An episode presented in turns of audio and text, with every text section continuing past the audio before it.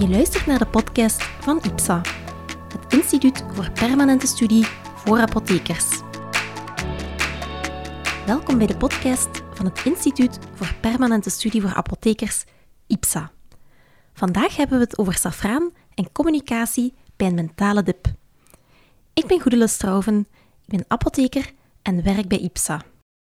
Voor we eraan beginnen, een kleine dienstmededeling. De podcast is gratis en duurt ongeveer 40 minuten. Ons doelpubliek zijn apothekers, apothekersassistenten en andere professionele zorgverleners. Spijtig genoeg zijn er geen accreditatiepunten mee te verdienen, maar dat neemt niet weg dat het een hele boeiende podcast wordt, dus blijf zeker luisteren. Dat gezegd zijnde, over naar het onderwerp van vandaag: safraan en communicatie bij een mentale dip. Wat mag je van deze podcast verwachten? Veel. Want na deze podcast ken je het verschil tussen een depressie en depressieve klachten, oftewel een mentale dip. Maak je het onderscheid tussen een voedingssupplement en een geneesmiddel? Weet je hoe safraan werkt en waarvoor je het in de praktijk kan gebruiken? En ben je een scala aan tips en tricks rijker voor een goede communicatie met jouw patiënten? Het onderwerp voor deze podcast komt uit het Apothekersforum op Facebook. Daar kwam ik een tijdje geleden een interessante casus tegen die ik herkenbaar vond door mijn ervaring in de praktijk. Het ging over een moeder die in de apotheek kwam voor advies voor haar lusteloze 17-jarige dochter. Nu, voor alle duidelijkheid, deze casus dateert van voor de eerste lockdown. Het meisje liep al verschillende maanden neerslachtig rond. Ze was eigenlijk mentaal moe. De reacties op het forum waren talrijk en uiteenlopend en daardoor bijzonder interessant om eens van dichterbij te bekijken. Op het forum kwamen voorstellen om iets van fytotherapie mee te geven, zoals bijvoorbeeld safraan. Maar daartegenover stonden reacties als, en ik citeer letterlijk, zoiets veeg je toch niet van tafel met supplementen? Is er al gekeken naar een psycholoog? En die tegenstelling vormt de insteek van deze podcast: safraan en communicatie bij een mentale dip. Om beide aspecten van bovenstaande casus toe te lichten, hebben we twee sprekers met kennis ter zake uitgenodigd die ik graag aan u voorstel. Professor Gert Lakeman en dokter-psycholoog Sophie Likens. Professor Lakeman heeft maar liefst 44 jaar actief bijgedragen tot de opleiding van apothekers aan de KU Leuven, de U Antwerpen, de U Gent en de QLAC. Hij deed dit onder andere via onderwijs en onderzoek naar geneeskrachtige planten en fytotherapie. Verder is professor Lakeman nog actief in talloze commissies gerelateerd aan dit topic. Psychologe Sophie Liekens verrichtte tijdens haar doctoraatstudie aan de KU Leuven onderzoek naar farmaceutische zorg bij depressie. Dr. Liekens werkt momenteel voor het Vlaams Instituut voor de Eerste Lijn, Vivel, en daarnaast nog als zelfstandig klinisch psycholoog in een privépraktijk. Gert en Sophie, ik wens jullie van harte welkom. Sophie, we gaan met jou starten. Heb jij ervaring met gelijkaardige situaties? En zoals daarnet beschreven vanuit die casus op het apothekersforum, komen er bij jou in de praktijk mensen ja, die mentaal moe zijn en de oplossing zoeken in plantaardige geneesmiddelen? En bedoel ik eigenlijk echt wel specifiek in de periode voor de coronacrisis. Wel goed, het is inderdaad zo dat een groot aantal cliënten met psychische klachten oplossingen zoeken in natuurlijke producten. Vaak zijn dat mensen die ook negatief staan tegenover medicatie maar ze staan wel open voor wat zij zelf ook benoemen als gezonde natuurlijke producten. Cliënten refereren ook heel vaak naar reclameboodschappen die ze gezien of gehoord hebben. Het gaat dan over middeltjes om beter te kunnen slapen, zich terug energieker te voelen of om hun stress te verminderen. Het valt bij mij vooral ook op dat ze heel hoge verwachtingen hebben ten aanzien van die natuurlijke pilletjes en ik moet zeggen, daarom ben ik stiekem zelf ook wel heel benieuwd naar wat Gert hier rond te vertellen heeft. Uh, ja, Sophie, er zijn heel wat producten, dus we hebben geen gebrek aan uh, aanbiedingen. Maar anderzijds vraagt dat hoog aantal producten ook een nuchtere kwalitatieve benadering ervan, steeds rekening houdend met de situatie van de patiënt. Dus deze casus komt voor jullie zeker niet uit de lucht gevallen dan? Nu, ik merk het als apotheker zelf ook in de praktijk. Het zijn veel patiënten die eerst alternatieven willen proberen vooraleer ze openstaan voor het gebruik van antidepressiva. Nu een andere vraag voor jou, Sophie. Merk je een verschil tussen de periode voor de corona-epidemie en vandaag? Zie je een stijging van dergelijke klachten? Wel, ik denk dat we dat zeker eh, niet langer kunnen ontkennen. Daar is wel degelijk een verschil. Zeker als we kijken naar de lockdown. Ineens kwamen er aanmeldingen van mensen die nooit eerder klachten hadden. Zij hadden zelf ook totaal geen idee van waar die plotseling vandaan kwamen. Maar, en dat is misschien nog net iets opvallender, bij een klein aantal cliënten die ik al geruime tijd in behandeling had, verminderden de klachten net. Ik moet zeggen, dit was wel in de eerste lockdown. Bij de tweede golf nu is dat positieve effect voor mij wel minder duidelijk. De lockdown en de maatregelen vooral die daarbij horen, die hebben dus echt wel een ongeziene impact op het psychosociaal welzijn. Als we heel even kort kijken naar hoe klachten ontstaan, dan wordt het ook heel duidelijk hoe dat dit komt. In de praktijk gebruik ik het kopmodel en K staat daarbij voor klachten. En dus jouw klachten zijn gelijk aan O maal P. En dus die klachten zijn waar je last van hebt, maar die O, dat staat voor omstandigheden. Dat zijn mogelijke oorzaken. Maar evengoed zaken die draagkracht kunnen geven zitten daarop. Eigenlijk de plusjes, zoals we dat ook wel noemen. De P die staat dan voor persoonskenmerken. Beetje de aard van beestje, zeg maar. En afhankelijk van de persoonlijkheid dus van de cliënt of zijn persoonlijke manier van reageren, leidt diezelfde O tot een gunstig, neutraal of een ongunstig gevolg. Ja, oké, Sophie. Nu, dat kopmodel is nogal technisch. Kan je dat misschien even verduidelijken aan de hand van een concreet voorbeeld? Ja, zeker. Dus stel iemand heeft een heel stressvolle job en ook wel relatieproblemen, maar die persoon gaat eigenlijk elke week met zijn vrienden voetballen en na het sporten gaan ze nog samen wat op café en dat is eigenlijk ook een heel joviaal iemand, heel uitbundig. Daardoor is voor die persoon de balans eigenlijk in evenwicht. Die heeft geen klachten, want het sporten en de tijd met zijn vrienden geeft hem draagkracht en zorgt er dus voor dat er balans is op dat kopmodel. Maar dan komt de lockdown, zijn sport en het afspreken met vrienden valt weg. Hij zit alleen thuis met, en ik heb het daar straks ook even benoemd, met die partner waar de relatieproblemen waren. Dus dat wordt sowieso erger. En dan zien we dat die klachten ook volgen, ook die klachten gaan toenemen. Want de draaglast gaat eigenlijk overheersen. Je ziet hier eigenlijk een heel typisch voorbeeld van hoe dat er een rechtstreekse impact is van die lockdown op de toename van psychische klachten. Want je verandert eigenlijk je O in dat kopmodel. Maar zeker zoals die casus die je zelf aanhaalde, Goedele, de impact op jongeren, die is ook enorm. Zij verliezen hun sociale contacten, hobby's. En het zijn dan vaak ook ouders die het opleggen. Dus zij kunnen niet zelf die keuze maken. Dat wordt dan nog eens extra opgelegd.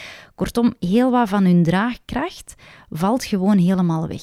Tegelijkertijd komt er nog eens draaglast bij. Heel wat angst en zorgen rond COVID. Denk ook maar aan angst voor het besmetten van je grootouders, ouders, noem maar op. En dus zeker bij die tweede golf weegt het heel zwaar, omdat we eigenlijk een beetje terug van nul starten daarin. De coronamaatregelen nemen een heel aantal copingmechanismen weg. Dat is eigenlijk een andere manier om het wat uit te leggen. Copingmechanismen zijn manieren om om te gaan met je problemen en net door die maatregelen nemen we een aantal copingmechanismen weg, zoals in het voorbeeld van daarstraks. Het weggaan met vrienden, het sporten zijn copingmechanismen. We nemen die weg en je geraakt daardoor uit balans. Dat systeem geldt eigenlijk niet alleen voor werkende mensen of jongeren, wat we hier in de voorbeelden al aangehaald hebben, maar dat geldt eigenlijk voor iedereen. Want in zoveel sectoren en zoveel doelgroepen ja, slaagt het eigenlijk toch wel hard in momenteel. Ja, inderdaad, die coronamaatregelen maken het moeilijk en hard voor de mensen. Nu, daar juist verwees je naar een voorbeeld, of, of je haalde alleszins aan dat bij een klein aantal cliënten de klachten juist verminderden. Kan je dat misschien nog eens eventjes toelichten, Sophie? Ja, klopt. Hè? Dus die klachten verminderden. Um, Eén concreet voorbeeld daar is eigenlijk dus in de eerste golf een cliënte die een heel drukke job had en die eigenlijk ook heel moeilijk nee kon zeggen. Dus uh, dat nee zeggen, dat zit een beetje op haar P. De drukke job zit op haar O in dat kopmodel. Maar eigenlijk had zij daardoor heel wat klachten, stressklachten. En dan kwam de lockdown. Ineens was het voor haar heel makkelijk om nee te zeggen tegen heel wat sociale verplichtingen die ze had, want het mocht ook gewoon niet meer. En zij merkte dan ineens ook door het thuiswerken dat de stress van de ochtendrush en de avondspits wegviel. Zij kon zelf eigenlijk beter haar balans vinden daarin en dus kreeg meer draagkracht, minder draaglast En haar klachten verdwenen toch wel wat als sneeuw voor de zon. Ik moet hier wel bij toegeven dat dit voorbeeld komt eigenlijk uit de eerste golf. Toen konden we ook nog volop genieten van mooi zomerweer.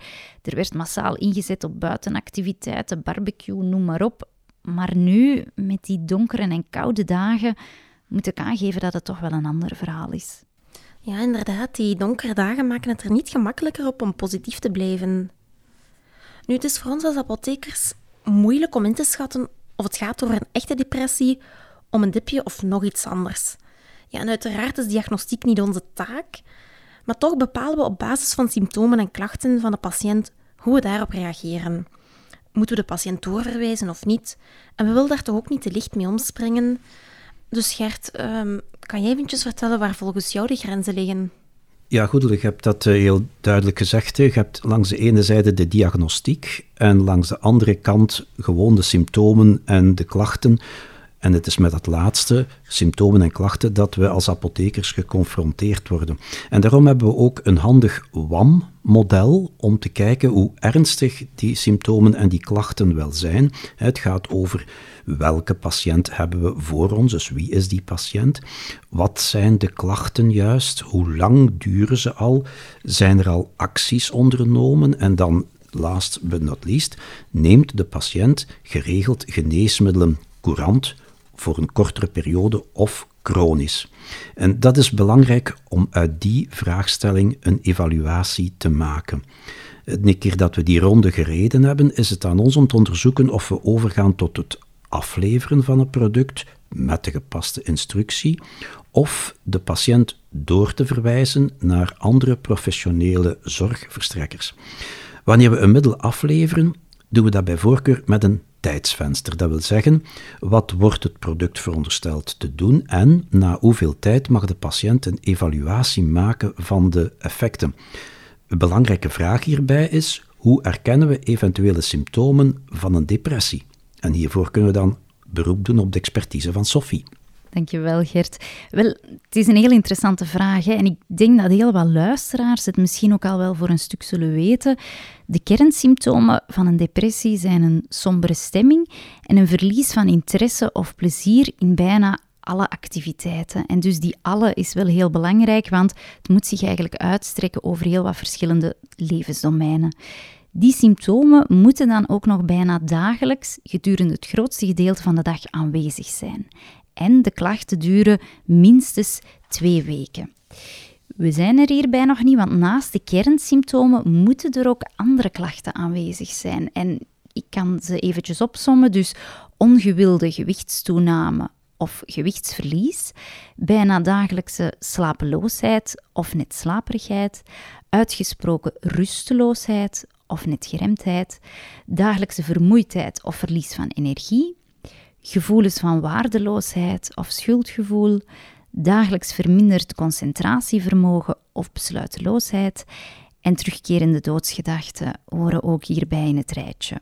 Dat is een hele lijst, maar dus heel concreet moeten er in totaal vijf symptomen aanwezig zijn voor de diagnose van depressie. En die symptomen moeten het dagelijks functioneren ook ernstig verstoren.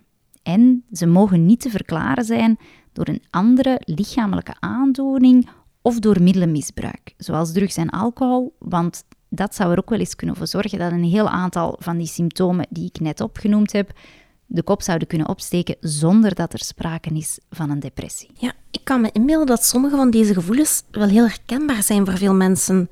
Ook wel bij onze luisteraars. En ja, zeker nu in die tijden van lockdown en epidemie. Absoluut. Uh, maar als die van voorbijgaande aard zijn en niet aanhouden, spreken we van depressieve klachten. En dus niet van een depressie. En daar heeft bijna iedereen wel eens last van. En dat is ook normaal. Um, we moeten dat niet gaan problematiseren. Bijvoorbeeld na het overlijden van een dierbaar persoon, jobverlies of relatieproblemen, ik noem maar op, dan is het normaal dat we eigenlijk last hebben van depressieve klachten die niet blijven aanhouden, weliswaar te verstaan.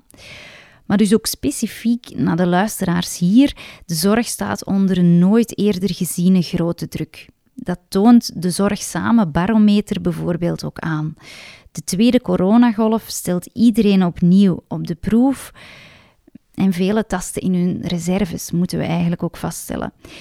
En omdat we momenteel eigenlijk samen een zorgmarathon lopen, ik zou willen dat het een sprint was, maar ondertussen is het echt een marathon geworden, is het belangrijk om voldoende veerkrachtig te blijven en eigenlijk die draagkracht terug wat aan te sterken. Dus reden te meer om de website van de Zorg Samen nogmaals onder de aandacht te brengen. Hier staan eigenlijk heel wat tips om draagkracht van zorgverleners te vergroten en ook te zien hoe dat zij collega's ook mee kunnen ondersteunen. Maar vooral ook in eerste plaats voor zichzelf zorgen. Ja, oké, interessant, Sophie. Nu, ik onthoud dus al zeker die symptomen van een depressie, de sombere stemming en verlies van interesse of plezier, dat dat bijna dagelijks voorkomt en ook voor het grootste deel van de dag overheerst, dat dat niet van korte duur is, maar dat is minstens twee weken en dan nog verschillende andere symptomen. Nu, ik heb anderzijds ook wel begrepen dat een sombere stemming niet altijd per definitie een depressie hoeft te zijn. Nu, als we dergelijke klachten signaleren bij een patiënt, Sophie, wat kunnen wij dan als apotheker doen? Wel, het belangrijkste dat je als apotheker kan doen, is het communiceren met je patiënt. Praat met hem, toets af of hij hierover ook spreekt met zijn huisarts of andere hulpverleners. Die kunnen de klachten ook opvolgen en doorverwijzen als het nodig is. Praat de patiënt hierover niet met zijn huisarts, weet dan dat je als apotheker zelf ook kan doorverwijzen naar een psycholoog. Of via het principe van getrapte zorg, nog beter, eigenlijk eerst naar teleonthaal via het nummer 106 of op teleonthaal.be. En weet ook dat in deze toch wel zeer moeilijke tijden diensten zoals het Centrum voor Algemeen Welzijnswerk, het CAW, extra middelen hebben gekregen om patiënten te begeleiden.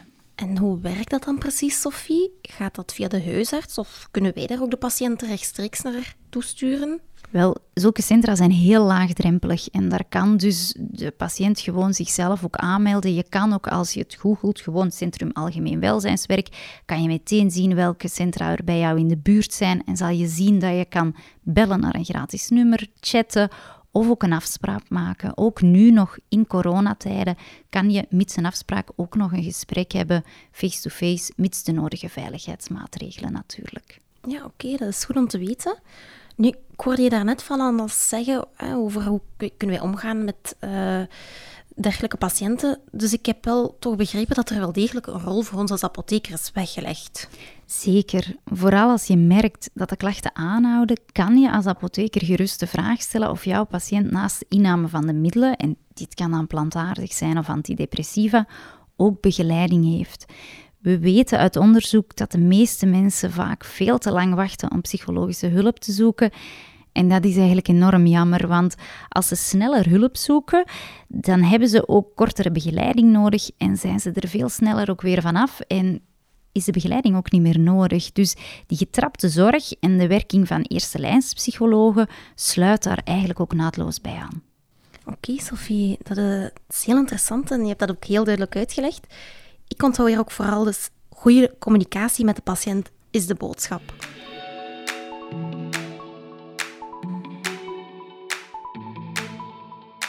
Je luistert naar de podcast van IPSA, het Instituut voor Permanente Studie voor Apothekers. Ik ben Goedele en naast mij zitten Gert en Sophie en nu gaan we het hebben over voedingssupplementen en safraan in het bijzonder. Gert, ik kom nu bij jou. We weten nu voor welke signalen we zeker aandachtig moeten zijn in en naast de apotheek. Nu, voordat we specifiek ingaan op safraan, kan je ons misschien kort toelichten wat het principe is achter voedingssupplementen? Eh, waar zit nu juist het verschil met geneesmiddelen? En aan welke wettelijke eisen moeten die voedingssupplementen en daarnaast ook geneesmiddelen voldoen? Ja, goed, dat is een hele kabas vol vragen. Laten we beginnen met het begrip voedingssupplement. Het gaat om een middel dat we toevoegen aan de voeding met de connotatie de gezondheid ondersteunen. Dus mensen zijn gezond en we willen ze gezond houden. Een voedingssupplement mag daarom geen therapeutische indicaties dragen, wel de gezondheidsbeweringen of de zogenaamde claims. Depressie mag dus niet vermeld worden, wel bijvoorbeeld positieve stemming of optimale nachtrust. Een voedingssupplement mag op de markt komen na een eenvoudige administratieve procedure die we notificatie noemen. Het Federaal Agentschap voor de Veiligheid van de Voedselketen, of kortweg het FAVV, neemt nota van het commercialiseren op voorwaarde dat aan de wettelijke voorschriften voldaan is. Zo mogen planten enkel gebruikt worden wanneer ze in de positieve lijst staan van meer dan duizend plantensoorten, waarvan ook de plantendelen vermeld zijn die mogen gebruikt worden. En een pittig detail hierbij is dat in dat koninklijk besluit, waar die lijst aan toegevoegd is, 66 keer wordt verwezen naar de apotheker als deskundige. Het is dus nodig dat we onze kennis over planten op tijd bijschaven. Oké, Gert, uh, dat was duidelijk voor de voedingssupplementen. Maar hoe zit het dan nu met de geneesmiddelen? En om op je laatste zin ook nog even in te pikken, ik wil toch al even kort graag verwijzen naar ons hoorcollege van IPSA, dat op de planning staat voor 2021, maar op het einde van de podcast vertel ik daar nog meer over. Goed, um, in tegenstelling tot voedingssupplementen kunnen geneesmiddelen pas op de markt komen na registratie. Kijk maar naar de nieuwsflitsen in verband met de vaccins tegen corona bijvoorbeeld. Een registratie betekent het voorleggen van een uitgebreid dossier over kwaliteit, veiligheid en doeltreffendheid. Er moet ook een ontwerp van bijsluiters toegevoegd worden, een patiëntenbijsluiter en een wetenschappelijke bijsluiter. Die laatste noemen we ook de samenvattende kenmerken van het product. De producent is verantwoordelijk voor de kwaliteit van voedingssupplementen, maar de minister is verantwoordelijk voor de kwaliteit en de veiligheid van geneesmiddelen. Een geneesmiddel volgt bij de productie de strenge regels van de Good Manufacturing Practice of GMP. Wanneer over een plantaardig geneesmiddel gesproken wordt, komt daarbij ook nog de Good Agricultural Practice, de GAP. En bij een voedingssupplement volstaat een zelfcontrole van de kritische punten, dus dat is veel minder streng dan een GMP-praktijk. Vermelden we tenslotte nog dat voedingssupplementen doorgaans moeilijk te onderscheiden zijn van geneesmiddelen omdat gebruik gemaakt wordt van farmaceutische vormen zoals capsules, comprimés of druppels. En bij twijfel geeft een eenvoudige controle op de BCFI-website uitsluitsel. Als de naam van het product dat voor u ligt niet terug kan gevonden worden op deze webstack, dan is het geen geneesmiddel. Oké Gert, geneesmiddelen zijn dus aan veel strengere regels onderworpen dan voedingssupplementen. En daardoor zijn er ook meer data over kwaliteit, veiligheid en doeltreffendheid dan voor die voedingssupplementen. Dus als ik nog eventjes mag teruggrijpen naar die casus uh, die ik in het begin heb aangehaald, die van op het apothekersforum, daar waren verschillende reacties op dat forum die verwezen naar een safraanpreparaat. Je hebt het zelf ook al gezegd, als apotheker zijn we wettelijk verplicht om farmaceutische zorg te leveren. En ook in elke bijsluiter staat, vraag raad aan je apotheker, ook in die bijsluiters van safraanpreparaten. Ja, dus Gert, kan je ons wat meer vertellen over safraan? Ja, goed, uh, safraan is uh, een interessante plantaardige grondstof. Dat is het minste wat we kunnen zeggen. Het poeder dat we als safraan kennen bestaat uit de stempels van het vrouwelijk deel van de bloem. Het gaat meer bepaald over de draden die bovenop dat vruchtbeginsel staan. En door te experimenteren met variëteiten zijn die draden steeds langer en langer geworden maar ze blijven toch nog steeds een klein deel van de plant. Een gevolg, safraan was en is nog altijd duur. En de kwaliteit kan uiteenlopen.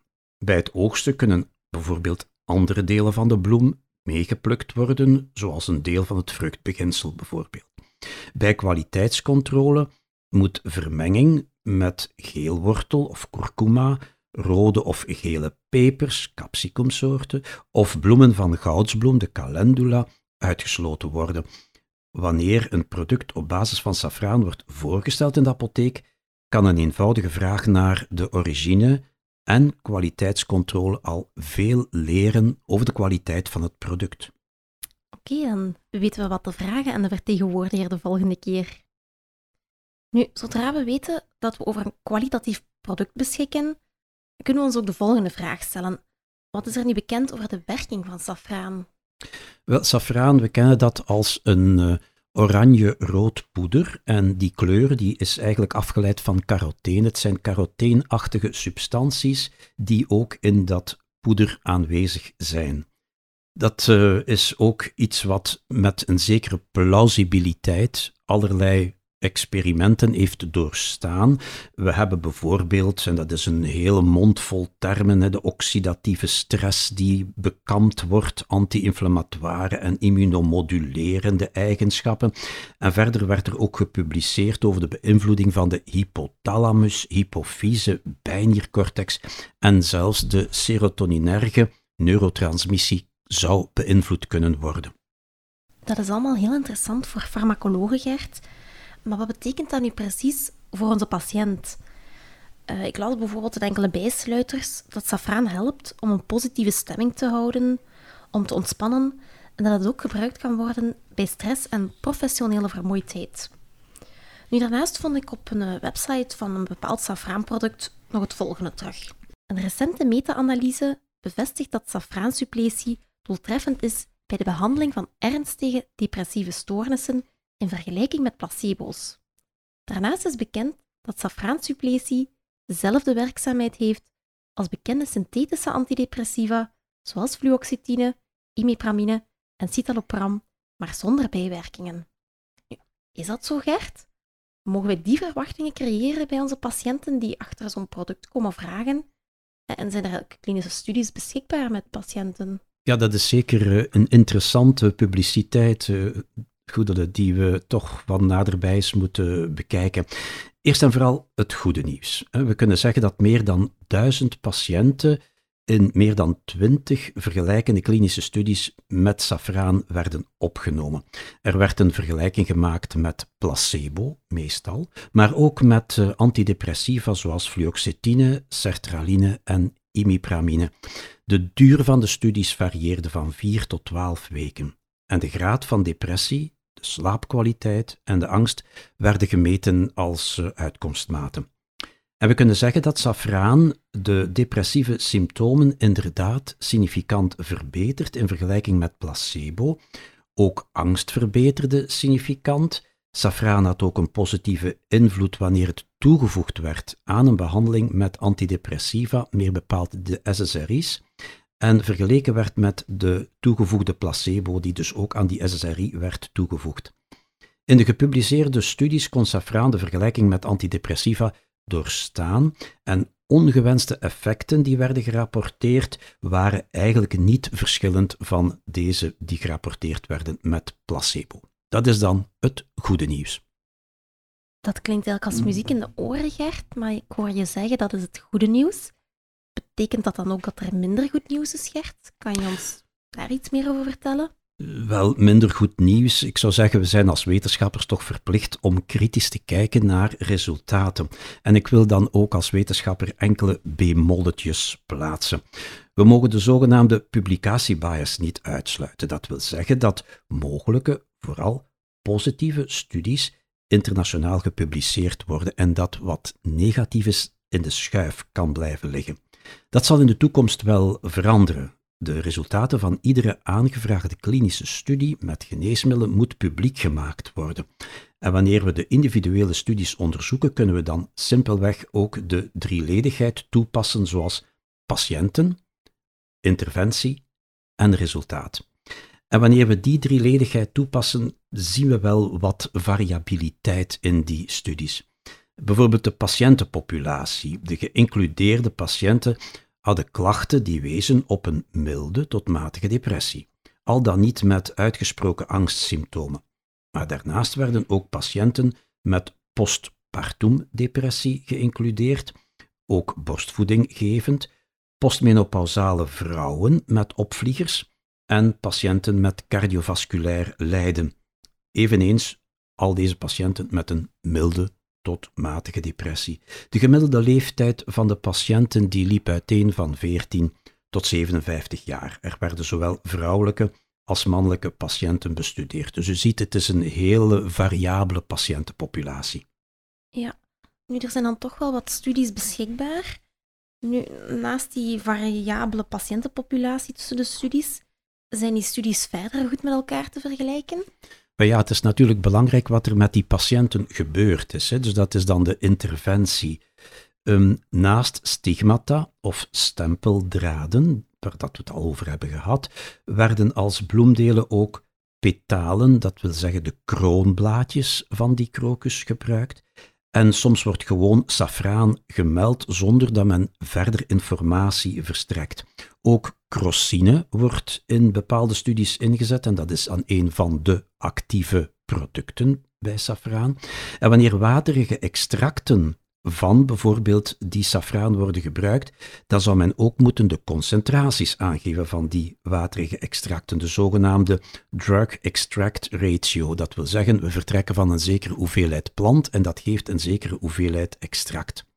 De dagdosis, en dat is nog het meest opvallende, die lopen uiteen van 30 milligram, en dan gaat het over crosine, over die uh, stigmata of de petalen, dus de kroonblaadjes, tot 450 milligram of zelfs tot een gram, waarbij de grondstof niet duidelijk geïdentificeerd is, maar we kunnen zeggen dat er toch een groot verschil is tussen 30 milligram en 1 gram en dat we dus niet met dezelfde producten hebben gewerkt. De duur van de studies bedraagt 4 tot 12 weken, maar dat laat eigenlijk niet echt toe perspectief te scheppen bij echte depressies, want echte depressies duren over het algemeen langer dan die periode. Blindering, of de patiënten wisten of ze al dan niet placebo kregen, dat werd ook niet systematisch nagegaan bij de patiënten. En dan hebben we natuurlijk nog de resultaten. Wat werd er gemeten na die interventie? Eh, de therapeutische resultaten die verschilden ook naar gelang de studie. Er werden bijvoorbeeld zes verschillende evaluatieschalen gebruikt.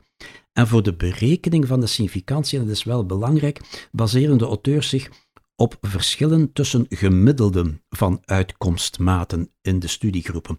Nu weet je dat je kunt verdrinken in een rivier met een gemiddelde diepte van 30 centimeter. Dus er kunnen sterke uitlopers zijn, er kunnen sterke verschillen zijn de ene patiënt ten opzichte van de andere. En dat maakt ook het eh, voorspellen van effecten in de apotheek bijzonder moeilijk. Want eigenlijk moeten we ons als apotheker afvragen wanneer er tien patiënten bijvoorbeeld safraan gebruiken, hoeveel van die tien patiënten zullen dan eigenlijk beter worden. En dat vernemen we niet in de studies, want ze gaan meestal met gemiddelden om en op basis van die gemiddelden wordt dan de significantie berekend. Dus we moeten als apotheker toch wat in het duister tasten over de kans dat de patiënt die bij u aan de toonbank staat uiteindelijk resultaat zal hebben.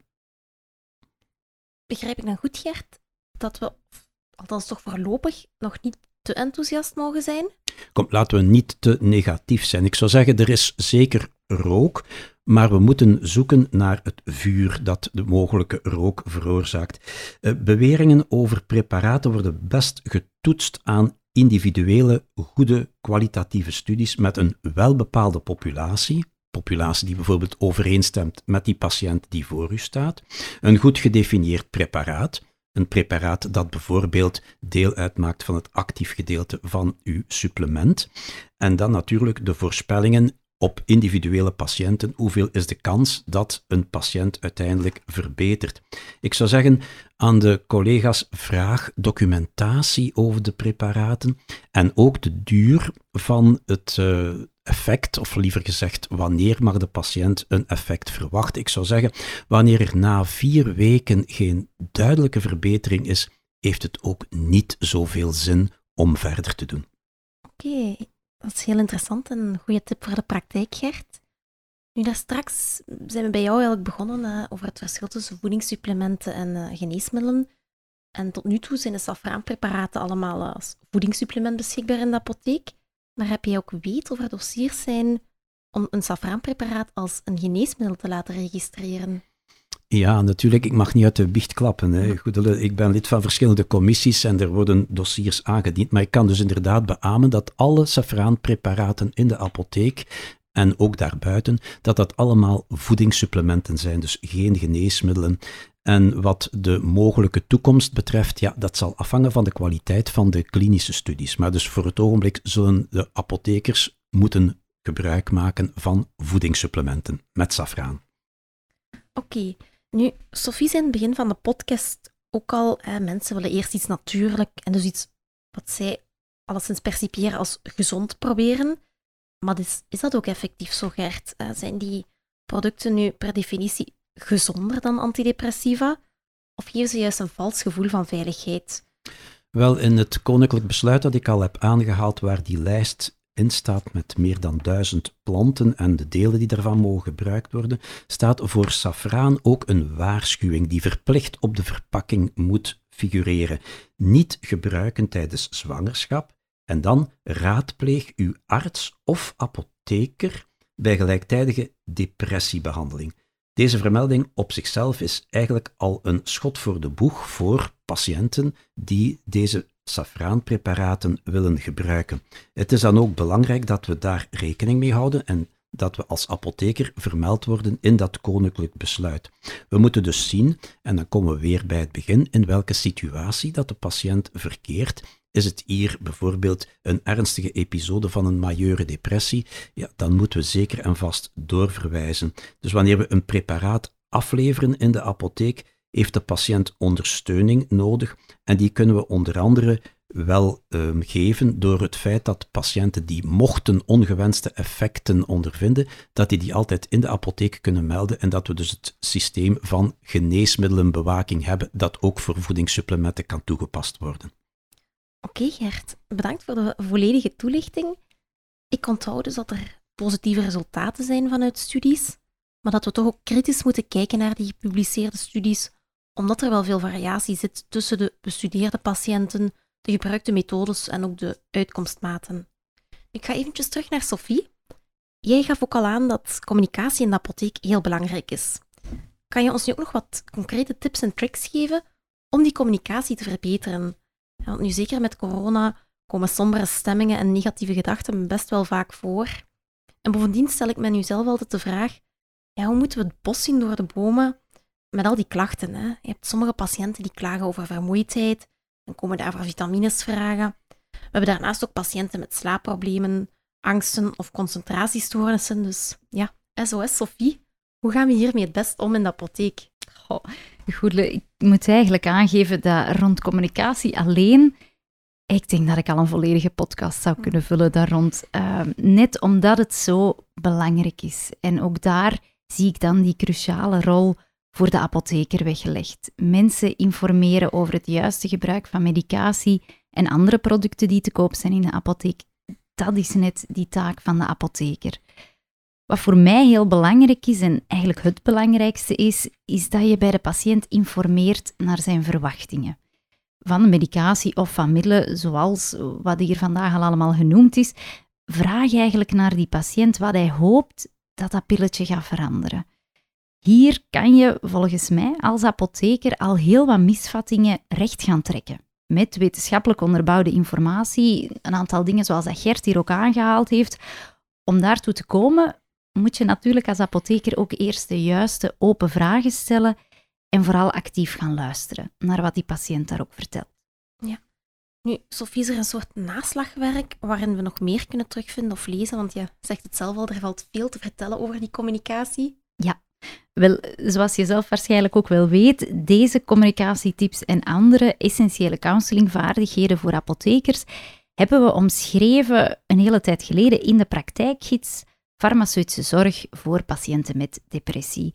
Wij hebben toen eigenlijk ook de tour eh, door Vlaanderen gedaan met de IPSA-lessen en dus eigenlijk alle apothekers die in 2013, denk ik dat het was, bij IPSA ingeschreven waren voor de jaarcyclus en die naar de les rond farmaceutische zorg bij depressie geweest zijn, die hebben dat boek na afloop meegekregen. Dus volgens mij gaat er bij heel veel luisteraars dit boek ook ergens in de boekenkast verstopt zitten of onder een, een laagje stof ergens te vinden zijn. En hebben ze dus eigenlijk een schat aan communicatietips in huis, misschien zonder het goed en wel te beseffen. Maar dat dus terzijde, ja. Ik moet eerlijk bekennen, Sophie, dat, is, dat ligt hier inderdaad ook in de kast. ik ga het zo dadelijk van onder het stof halen. Nee. Nu, als we dan uh, de juiste vragen stellen aan de patiënten, Sophie, hoe reageren we daar dan als apotheker op? Wel, ik kan eigenlijk zelf ook zeggen aan heel wat van de cliënten die ik zelf begeleid in de praktijk, zou je een halve apotheek kunnen verkopen. Je kan dus effectief iets meegeven tegen slaapproblemen, nog iets voor de stress, iets tegen concentratieproblemen, nog een pijnstiller, nog een beetje vitamine om wat aan te sterken. En ik kan zo nog een stukje doorgaan, denk ik. Maar is dat de bedoeling? Wel, ik denk het niet als je goede farmaceutische zorg wilt leveren. Hè. En wat we daar eigenlijk ook doen, met het voorbeeld dat ik aanhaal, is het behandelen van de staart van het probleem. Als psycholoog zijn we dan net opgeleid om naar die letterlijk de kop van het probleem te kijken. Dus niet alleen naar dat kopmodel wat ik daar straks benoemd had, maar ook echt het begin van het probleem. Als we eigenlijk gaan onderzoeken van waar die symptomen net komen, dat we mogelijke verklaringen vinden, dan komen we bij de basis van de klachten. Als we dat kunnen aanpakken, nemen ook die andere klachten mee af. Eigenlijk wat we daar willen doen is de kraan toedraaien. Het aanpakken van alleen de klachten op zich, hè, dus de concentratieproblemen, slaapproblemen, stress, dat is eigenlijk een stukje dweilen met de kraan open. Dat is eigenlijk een beetje wat je volgens mij als apotheker ook in je achterhoofd moet houden. Hè. Komt een patiënt veelvuldig dergelijke producten halen, dan zou er toch een belletje moeten gaan rinkelen. Komt de patiënt voor een tweede keer dezelfde middelen halen, pik daar ook gerust op in. Vraag hem ook door een goede tweede uitgiftebegeleiding te doen hoe het gaat. Hoe, hebben ze eigenlijk voldoende effect van die medicatie, al dan niet? Vraag ernaar en ik denk dat we daar al een heel stuk verder komen. Je hebt daar net je opening om hem ook te informeren over niet-medicamenteuze begeleiding, die ook mee opgestart kan worden, net naast het medicamenteuze of naast de uh, voedingssupplementen die meegegeven worden. Ja, dus ik onthoud hier eigenlijk het belang van begeleiding bij een tweede of herhaalde uitgifte. Nu misschien een kleine tip voor de apothekers onder ons. Uh, wat wij altijd doen in de apotheek is, uh, wij schrijven het weg in de software, uh, de eerste uitgifte van een nieuw geneesmiddel. Dus bij een volgende apotheekbezoek van die patiënt, dan krijgen wij automatisch een melding. Um, en dan ziet de collega of ikzelf uh, die die patiënt aan het helpen is dat. En dan kan je er ook actief naar vragen en dan word je er eigenlijk ook nog eens aan herinnerd. Klopt, die begeleiding dat je daar net toelicht is heel belangrijk volgens mij. En begrijp me zeker niet verkeerd. Hè. Ik raad cliënten ook een vitaminekuur aan, zeker als ik merk van die zouden daar deugd van hebben om aan te sterken. Of uh, andere middelen als ik merk van ja, dat zou ook al wel kunnen helpen om nog een stukje spanningen weg te nemen. Maar dat wil zeker dus ook niet zeggen dat iedereen die met zulke vragen in de apotheek komt, dat mijn advies daar zou zijn van ja, stuur die maar door naar de psycholoog. Helemaal niet, hè. dat kan zeker wel. Het is vooral belangrijk, en daar ben ik terug met mijn vraag, hè, van peil naar hun verwachtingen. Hè. Hoor daar al heel snel wat ze gaan verwachten. En dan kan je daar als apotheker ook op inpikken. En je gaat heel snel detecteren, volgens mij, als mensen hun verwachtingen hoger zijn dan wat het effectief gaat doen. En dan kan je daar wel doorverwijzen naar meer gespecialiseerde ondersteuning waar nodig. Een ander aandachtspunt is dus inderdaad de afleverhistoriek, zoals je aangeeft. Dat geeft ook aanleiding net tot communicatie. Ik heb dat daarnet eigenlijk ook al gezegd. Hè, van vraag je patiënt naar zijn ervaringen, zijn de klachten afgenomen. Als dat niet zo is, wil hij dan iets anders proberen? Spreekt hij erover met zijn huisarts? Heeft hij al nagedacht over psychologische hulp? Je hoort het, hè, voor mij staat daar de deur open om eigenlijk in gesprek te gaan met je patiënt. Ja, dankjewel Sofie, dat was heel duidelijk. Nu, ik onthoud vandaag dus dat we de, de juiste vragen moeten stellen aan onze patiënt en ook actief luisteren en dat dat ons al een heel eind verder brengt. We moeten ook polsen naar de verwachtingen bij de patiënt wanneer we iets afleveren en dat ook niet elk dipje per definitie een echte depressie is. Maar dat we wel moeten verder zoeken naar de kop, dus die oorzaak van de problemen. Nu, wat betreft safraan heb ik hier opgestoken. Ik hoop dat ik mag stellen dat we toch wel voorzichtig positief mogen zijn over het product, maar dat verder grondig onderzoek zeker een must is voor de toekomst. We zijn aan het einde van onze podcast. Heel hartelijk dank aan de sprekers Sophie Liekens en Gert Lakeman voor al deze tips en wetenschappelijke informatie die we onmiddellijk in de apotheek kunnen toepassen. Maar ook jij, beste luisteraar, dank je wel voor je interesse en om te luisteren naar onze podcast. Het is eens iets anders als een hoorcollege of een webinar. Wil je graag meer informatie over dit onderwerp? Ga dan naar www.ipsa.be, log in, klik op Mijn cursussen en vervolgens op Podcast. Daarin zal je heel wat materiaal terugvinden, onder andere de meta-analyses uh, die Gert ook heeft aangehaald. Uh, daarnaast ook een paspoort van safraan met wat meer uitleg over het preparaat. En we vermelden het al eerder, het boek Farmaceutische zorg bij depressie. Hierin vind je een waaier van onmiddellijk toepasbare tips. Tot slot, Sophie heeft ook verwezen naar de website van zorgsamen.be. Hierin staan tips om goed voor jezelf te zorgen als zorgverlener in deze moeilijke tijd. Ben je geprikkeld door safraan en of andere geneeskrachtige planten? Volg dan zeker het IPSA online hoorcollege Fytotherapie bij Mentale Dip in 2021 met Gert Lakenman. Kijk op de IPSA-website voor de exacte data en schrijf je in. Heel graag tot dan, of tot bij een volgende podcast.